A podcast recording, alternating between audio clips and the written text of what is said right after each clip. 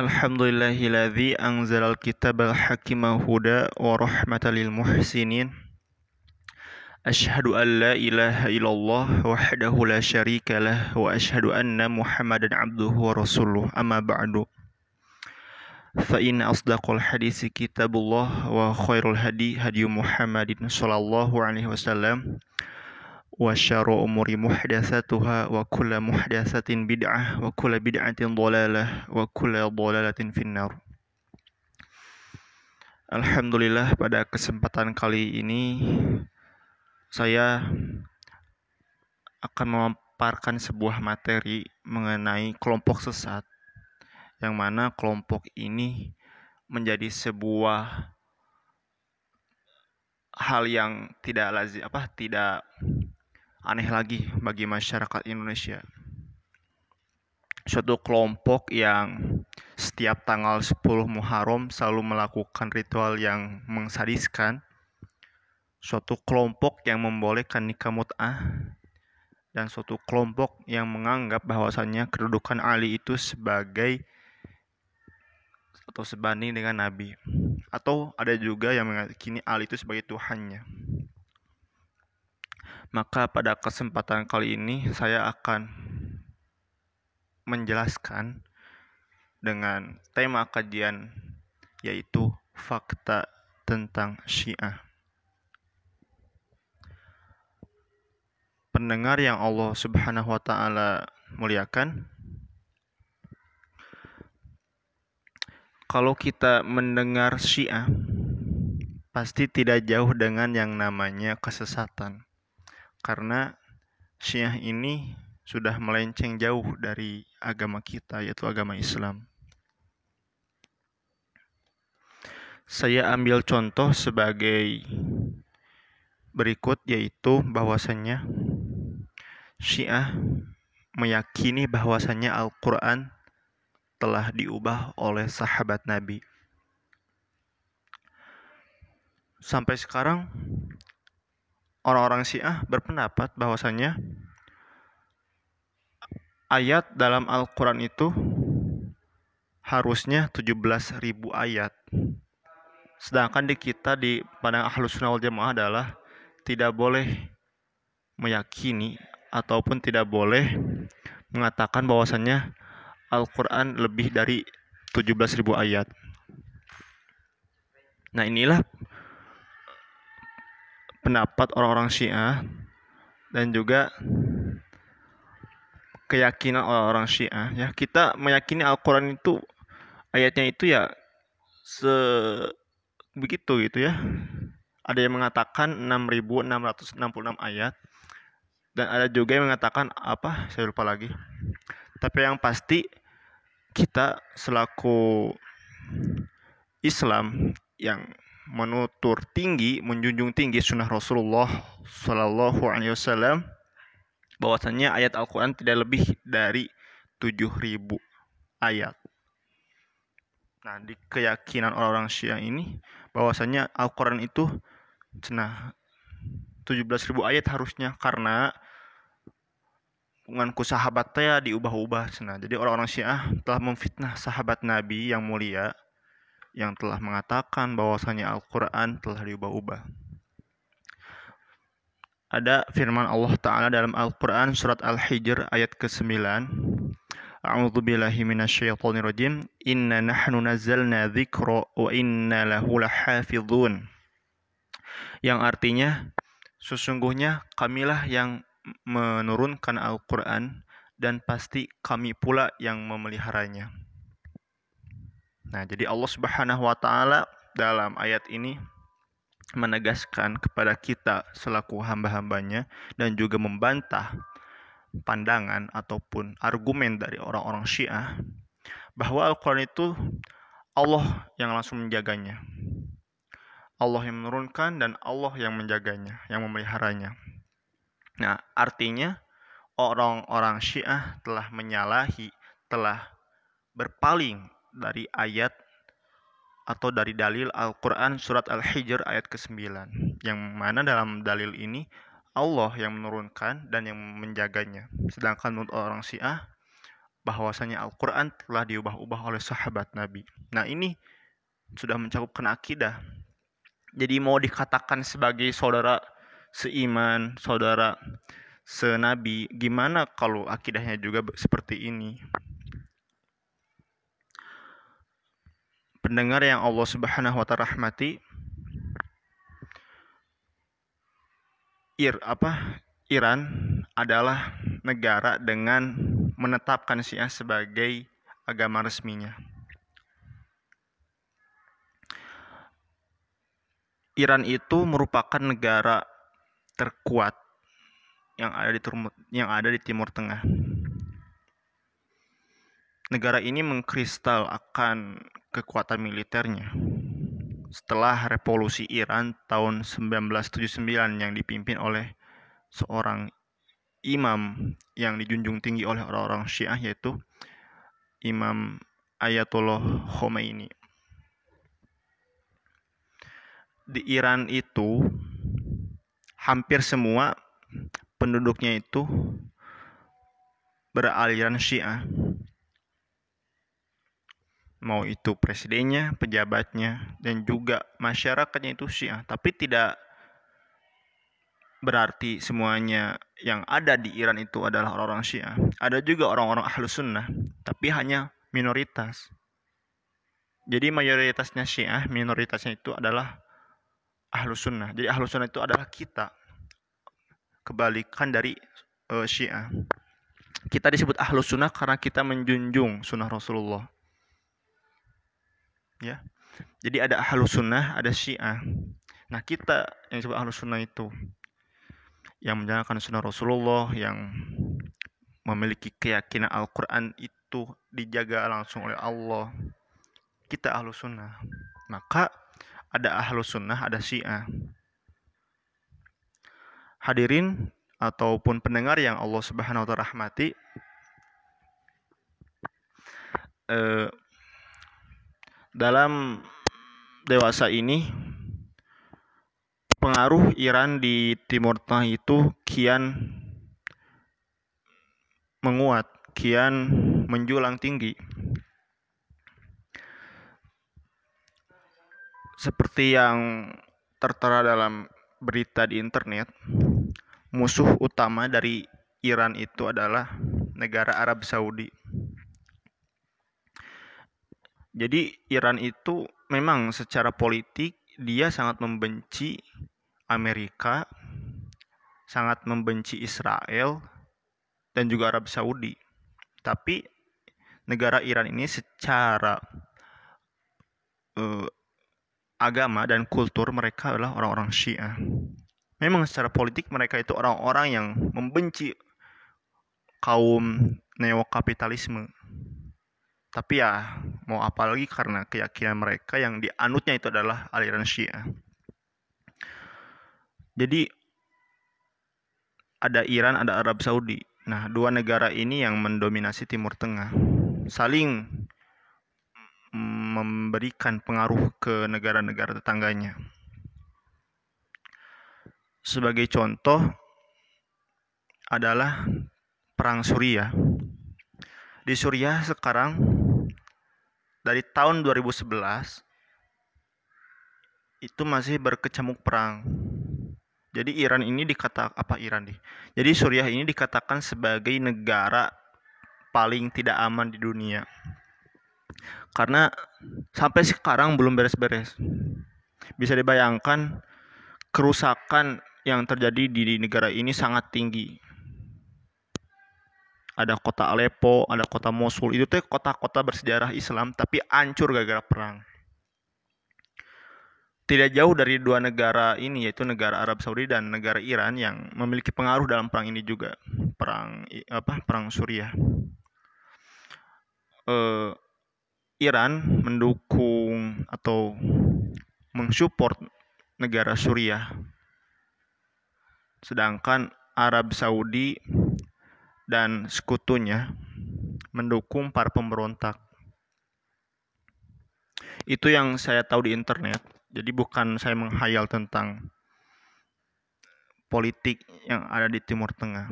Walaupun saya tidak tahu tentang mendalam, tapi saya hanya tahu yang dasar-dasarnya saja. Pendengar yang Allah Subhanahu wa taala rahmati, kita masuk ke dalam pembahasan fakta tentang Syiahnya. Mungkin tadi hanya sebagai mukadimah dari Syiah sekilas ya. Nah, sekarang insya Allah kita akan mengkaji lebih lanjut tentang Syiah ya, fakta tentang Syiah. Apa yang dikatakan Syiah dan apa yang dimaksudkan Syiah itu? Secara sederhananya, Syiah itu adalah sekelompok orang yang mendukung Ali. Sekelompok orang pendukung Ali. Kisahnya berawal dari perang Siffin. Perang Siffin ini adalah perang saudara sesama muslim. Jadi orang Islam melawan orang Islam deui. Kan yang kita tahu secara umum orang Islam itu pada zaman dahulu berperang dengan orang-orang kafir. Ya orang Romawi orang Persia. Tapi dalam perang Siffin ini orang Islam ngelawan orang Islam deui di sebelah sana mengumandangkan takbir di sebelah sini juga sama mengumandangkan takbir di sana. Perang atas nama jihad juga. Di sini perang atas nama jihad juga. Jadi ini perang saudara yang terjadi pada masa kepemimpinan Khalifah Ali bin Abi Thalib. Ceritanya adalah Ali berhadapan dengan pasukan Muawiyah bin Abu Sufyan. Pada waktu itu pusat pemerintahan Islam berada di kota Kufah berada di Irak. Ya, kekuasaan ataupun kepemimpinan Ali berada di kota Kufah. Sedangkan kelompok Muawiyah, pasukan Muawiyah itu berpusat di kota Damaskus, Suriah. Mengapa Muawiyah mendapatkan ataupun menempati kota Damaskus sebagai ibu kota dari kekuasaannya karena masa sebelumnya yaitu ketika Khalifah Utsman bin Affan masih hidup Muawiyah masih menjabat sebagai gubernur di sana. Yang saya tahu Muawiyah itu diangkat gubernur Suriah dari zaman uh, khilafah Abu Bakar As-Siddiq sampai kepemimpinan Ali bin Abi Thalib Muawiyah masih menjadi gubernur di Suriah. Saya kisahkan sedikit tentang kepemimpinan ataupun kegubernuran Suriah yang dipimpin oleh Muawiyah. Jadi kita patut bangga, kita patut berterima kasih bahwasannya armada laut pertama yang dibikin oleh seorang sahabat yang bernama Muawiyah. Karena sebelumnya orang-orang Arab itu ketika berperang mereka mengandalkan pasukan yang ada di darat.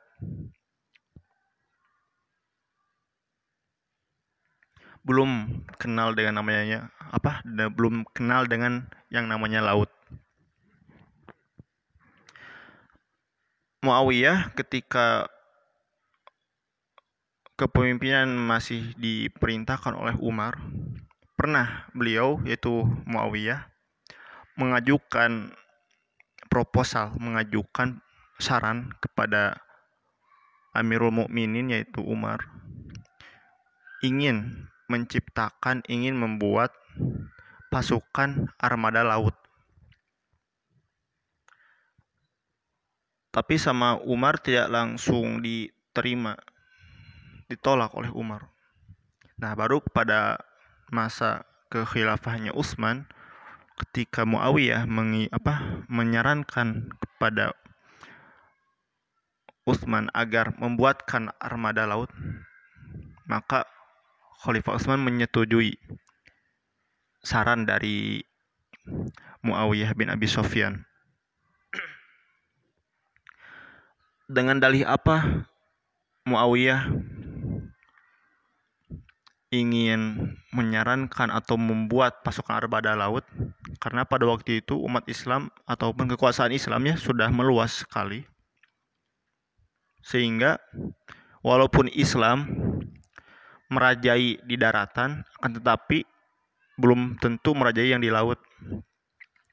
Karena orang-orang Romawi itu handal dalam perang laut, sehingga banyak wilayah-wilayah pesisir pantai dari wilayah Islam banyak mendapat serangan dari orang-orang Bizantium yang memiliki militer di laut ya sehingga dengan inilah Muawiyah meminta kepada Khalifah Utsman untuk membuatkan armada laut. Nah, itulah salah satu eh, kebijakan ketika Muawiyah menjabat sebagai gubernur. Salah satu karya, salah satu peninggalan yang dibuat oleh Muawiyah adalah membuat armada laut pertama dalam Islam kita kembali lagi kepada pembahasan perang Siffin antara Ali dan Muawiyah. Jadi kisahnya itu ada seorang Abdul apa Abdullah bin Sabah, salah seorang tokoh munafik. Abdullah bin Sabah ini tokoh yang selalu membuat ricuh, selalu membuat kesal umat. Karena dari tokoh ini yang membuat terjadinya perang Siffin. Secara ringkasnya begitu. Nah, di dalam perang Siffin ini terjadi perundingan ketika di akhir-akhir peperangan terjadi perundingan Perundingan itu artinya saling mengajukan permintaan ataupun gencatan senjata sementara untuk berdiskusi lebih lanjut tentang perang ke depannya dari perang Siffin ini.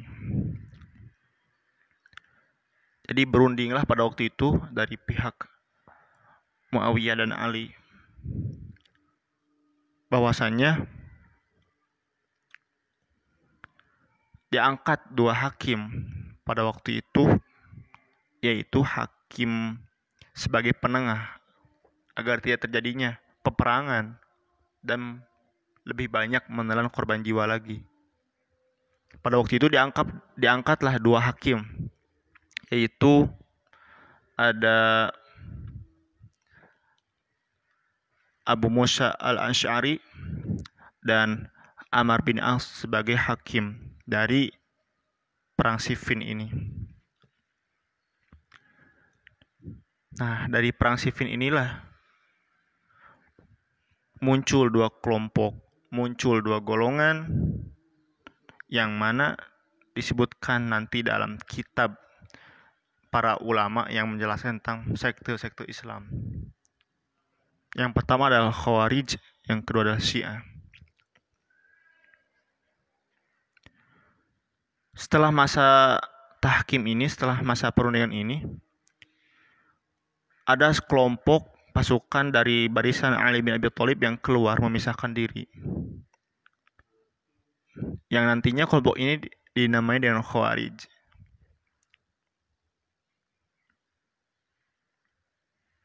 Karena kata Khawarij itu berasal dari kata khoroja. Khoroja itu artinya keluar. Nah, mereka dinamakan Khawarij karena mereka orang-orang yang keluar. Maksudnya keluar dari kepemimpinan Ali bin Abi Thalib.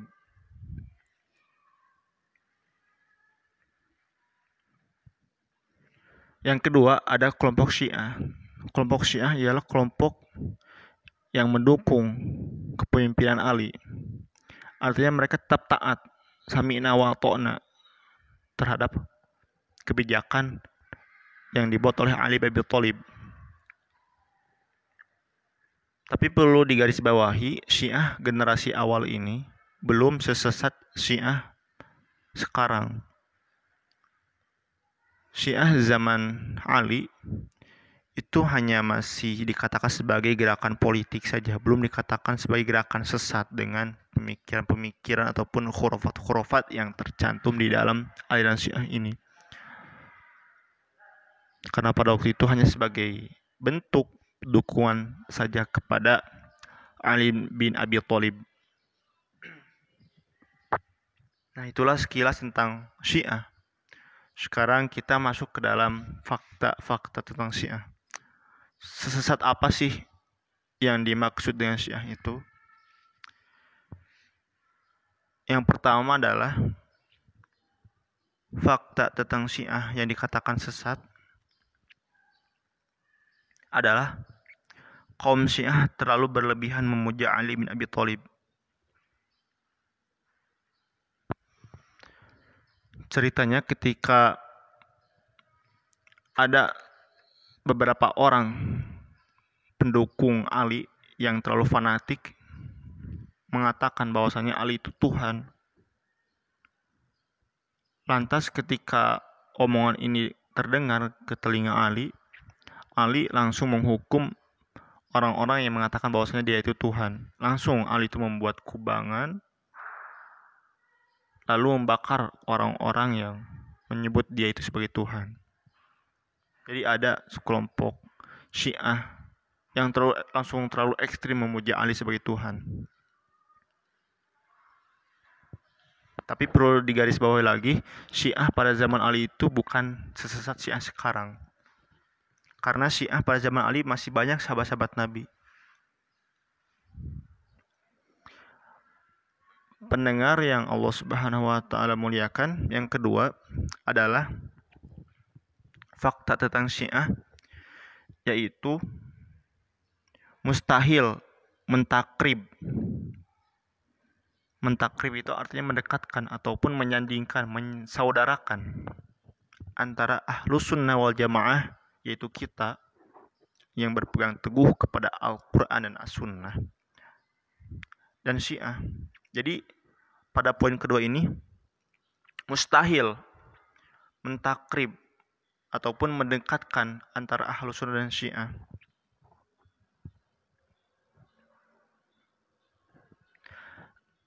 Ada salah satu ulama Arab yang dilahirkan di kota Jeddah ya.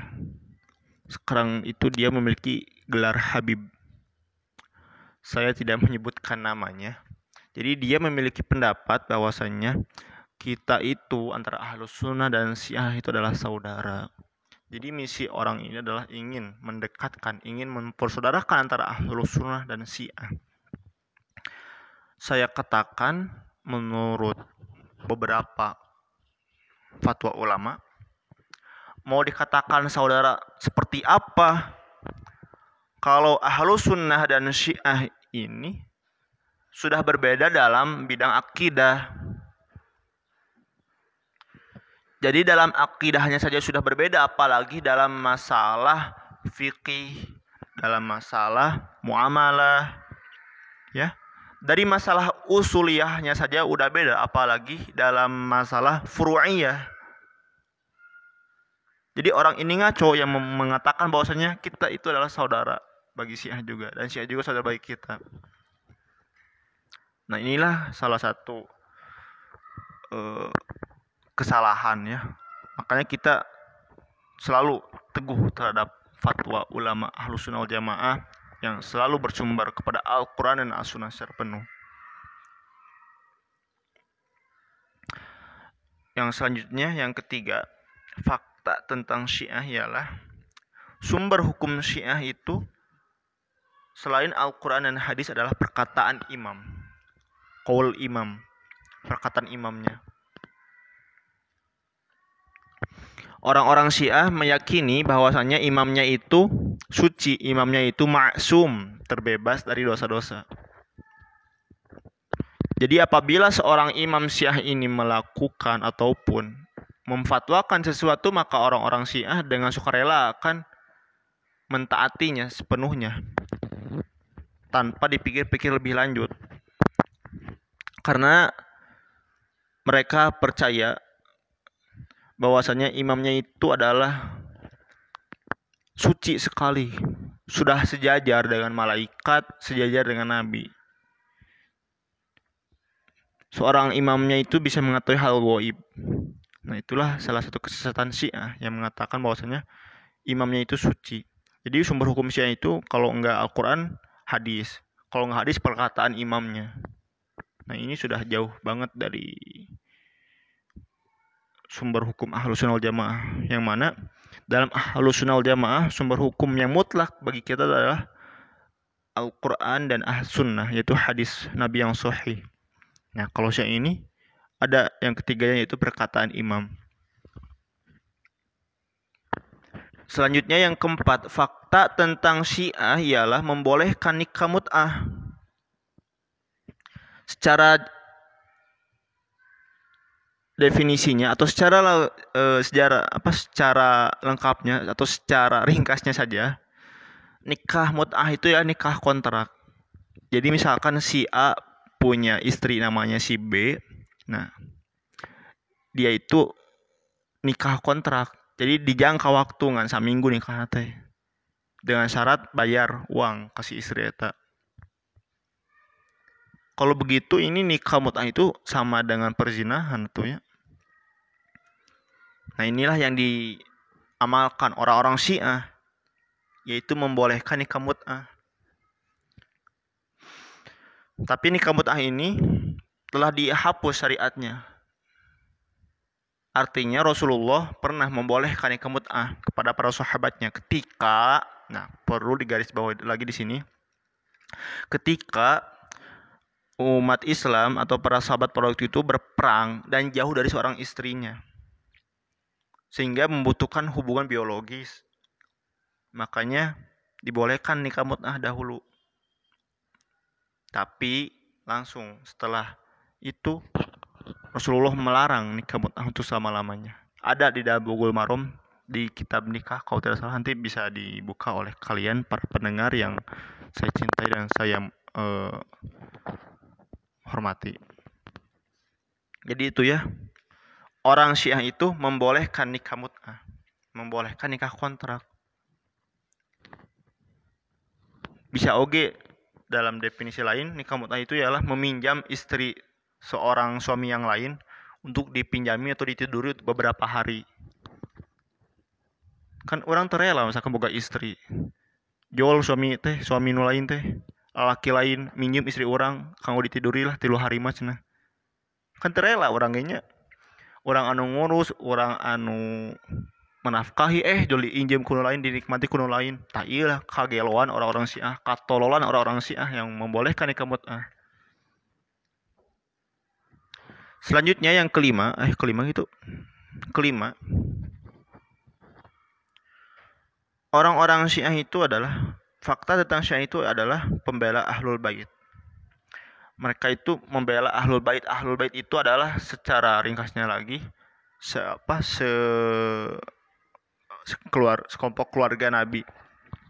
Jadi keturunan-keturunan Nabi disebut Ahlul Bait mereka itu sangat mencinta ahlul bait. Kita juga ahlus sunnah mencintai ahlul bait. Tapi bedanya kita dengan syiah, mereka itu orang syiah selalu mengkultuskan ahlul bait, selalu menjunjung tinggi, fanatik terhadap ahlul bait. Selanjutnya yang keenam, fakta tentang syiah adalah kita berujukan syiah itu adalah al-kafi kitab rujukan Syiah adalah kitab Al-Kafi. Artinya kitab hadis orang-orang Syiah, orang-orang Syiah itu adalah kitab Al-Kafi. Sebentar saya minum dulu.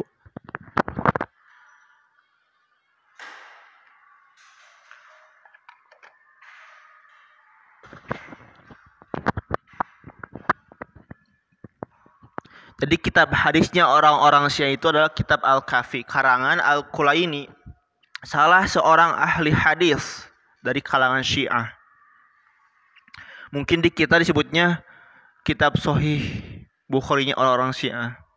Nah, orang-orang Syiah juga punya kitab sohihnya sendiri yaitu kitab Al-Kafi.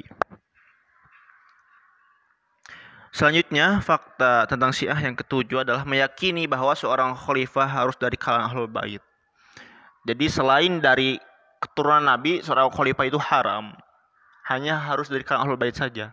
Sebagai contohnya bahwasanya orang-orang Syiah memiliki dongeng cenah Nabi sebelum wafatnya telah mewasiatkan kepada Ali bin Abi Thalib sebagai khalifahnya, sebagai penggantinya. Tapi itu adalah kalangan Syiah. Hadisnya itu tidak diketahui doib sekali. Nggak ada keterangan dalam hadis disebutkan bahwasanya Ali sebagai pengganti dari Nabi Muhammad SAW. Fakta tentang Syiah yang kedelapan adalah mengkafirkan sahabat Nabi poin yang ini tidak jauh dari poin yang sebelumnya mengkafirkan sahabat Nabi karena mereka menganggap bahwasannya telah merebut kekuasaan Ali bin Abi Thalib yang seharusnya menjadi khalifah. Maka dari itu mereka orang Syiah mengkafirkan Ali bin Abi Thalib. Oh, yang kedelapan, fakta tentang Syiah yang selanjutnya adalah menurut Syiah setiap kitab suci para nabi telah mencantumkan tentang kewalian Ali. Jadi mereka berpendapat dalam kitab Taurat, kitab Zabur, Injil telah tercantum nama Ali, tercantum tentang kewalian tentang Ali bin Abi Thalib. Fakta tentang Syiah yang ke-8 eh ke-7 ke-8 itu fakta tentang Syiah yang selanjutnya adalah takiyah ya takiyah Takyah itu adalah sebuah metode Syiah menyembunyikan kesiah kesiahannya ketika berada, berada di lingkungan ahlus sunnah wal jamaah. Jadi semacam munafiknya orang-orang Syiah itu begitu. Mereka akan beribadah sesuai dengan tata cara ahlu sunnah ketika mereka berada di dalam masjidnya ahlu sunnah. Tapi ketika mereka di luar ataupun di selain masjid ahlu sunnah mereka akan sholat seperti orang-orang syiah pada umumnya. Dinamakan begitu takiyah mereka itu menyamar ya karena mereka itu pecundang. Dan yang terakhir adalah fakta tentang syiah adalah mewasiat apa mewasiatkan bahwa Nabi menunjuk Ali sebagai penggantinya. Nah, ini apa telah dibahas dalam poin yang tadi sama ya. Senama Nabi teh mewasiatkan bahwasanya Ali sebagai pengganti dari Rasulullah Shallallahu alaihi wasallam.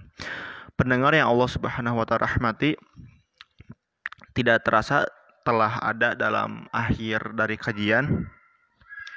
Jadi kita bisa tarik simpulan bahwasanya Syiah itu sudah ya kita sesatkan Syiah dengan dalil-dalil dengan eh, pandangan-pandangan yang ada. Secara akidahnya saja mungkin udah jauh apalagi dalam masalah furu ya. Sudah jauh. Jadi mau dikatakan saudara gimana? Kalau syiahnya itu akidahnya seperti itu.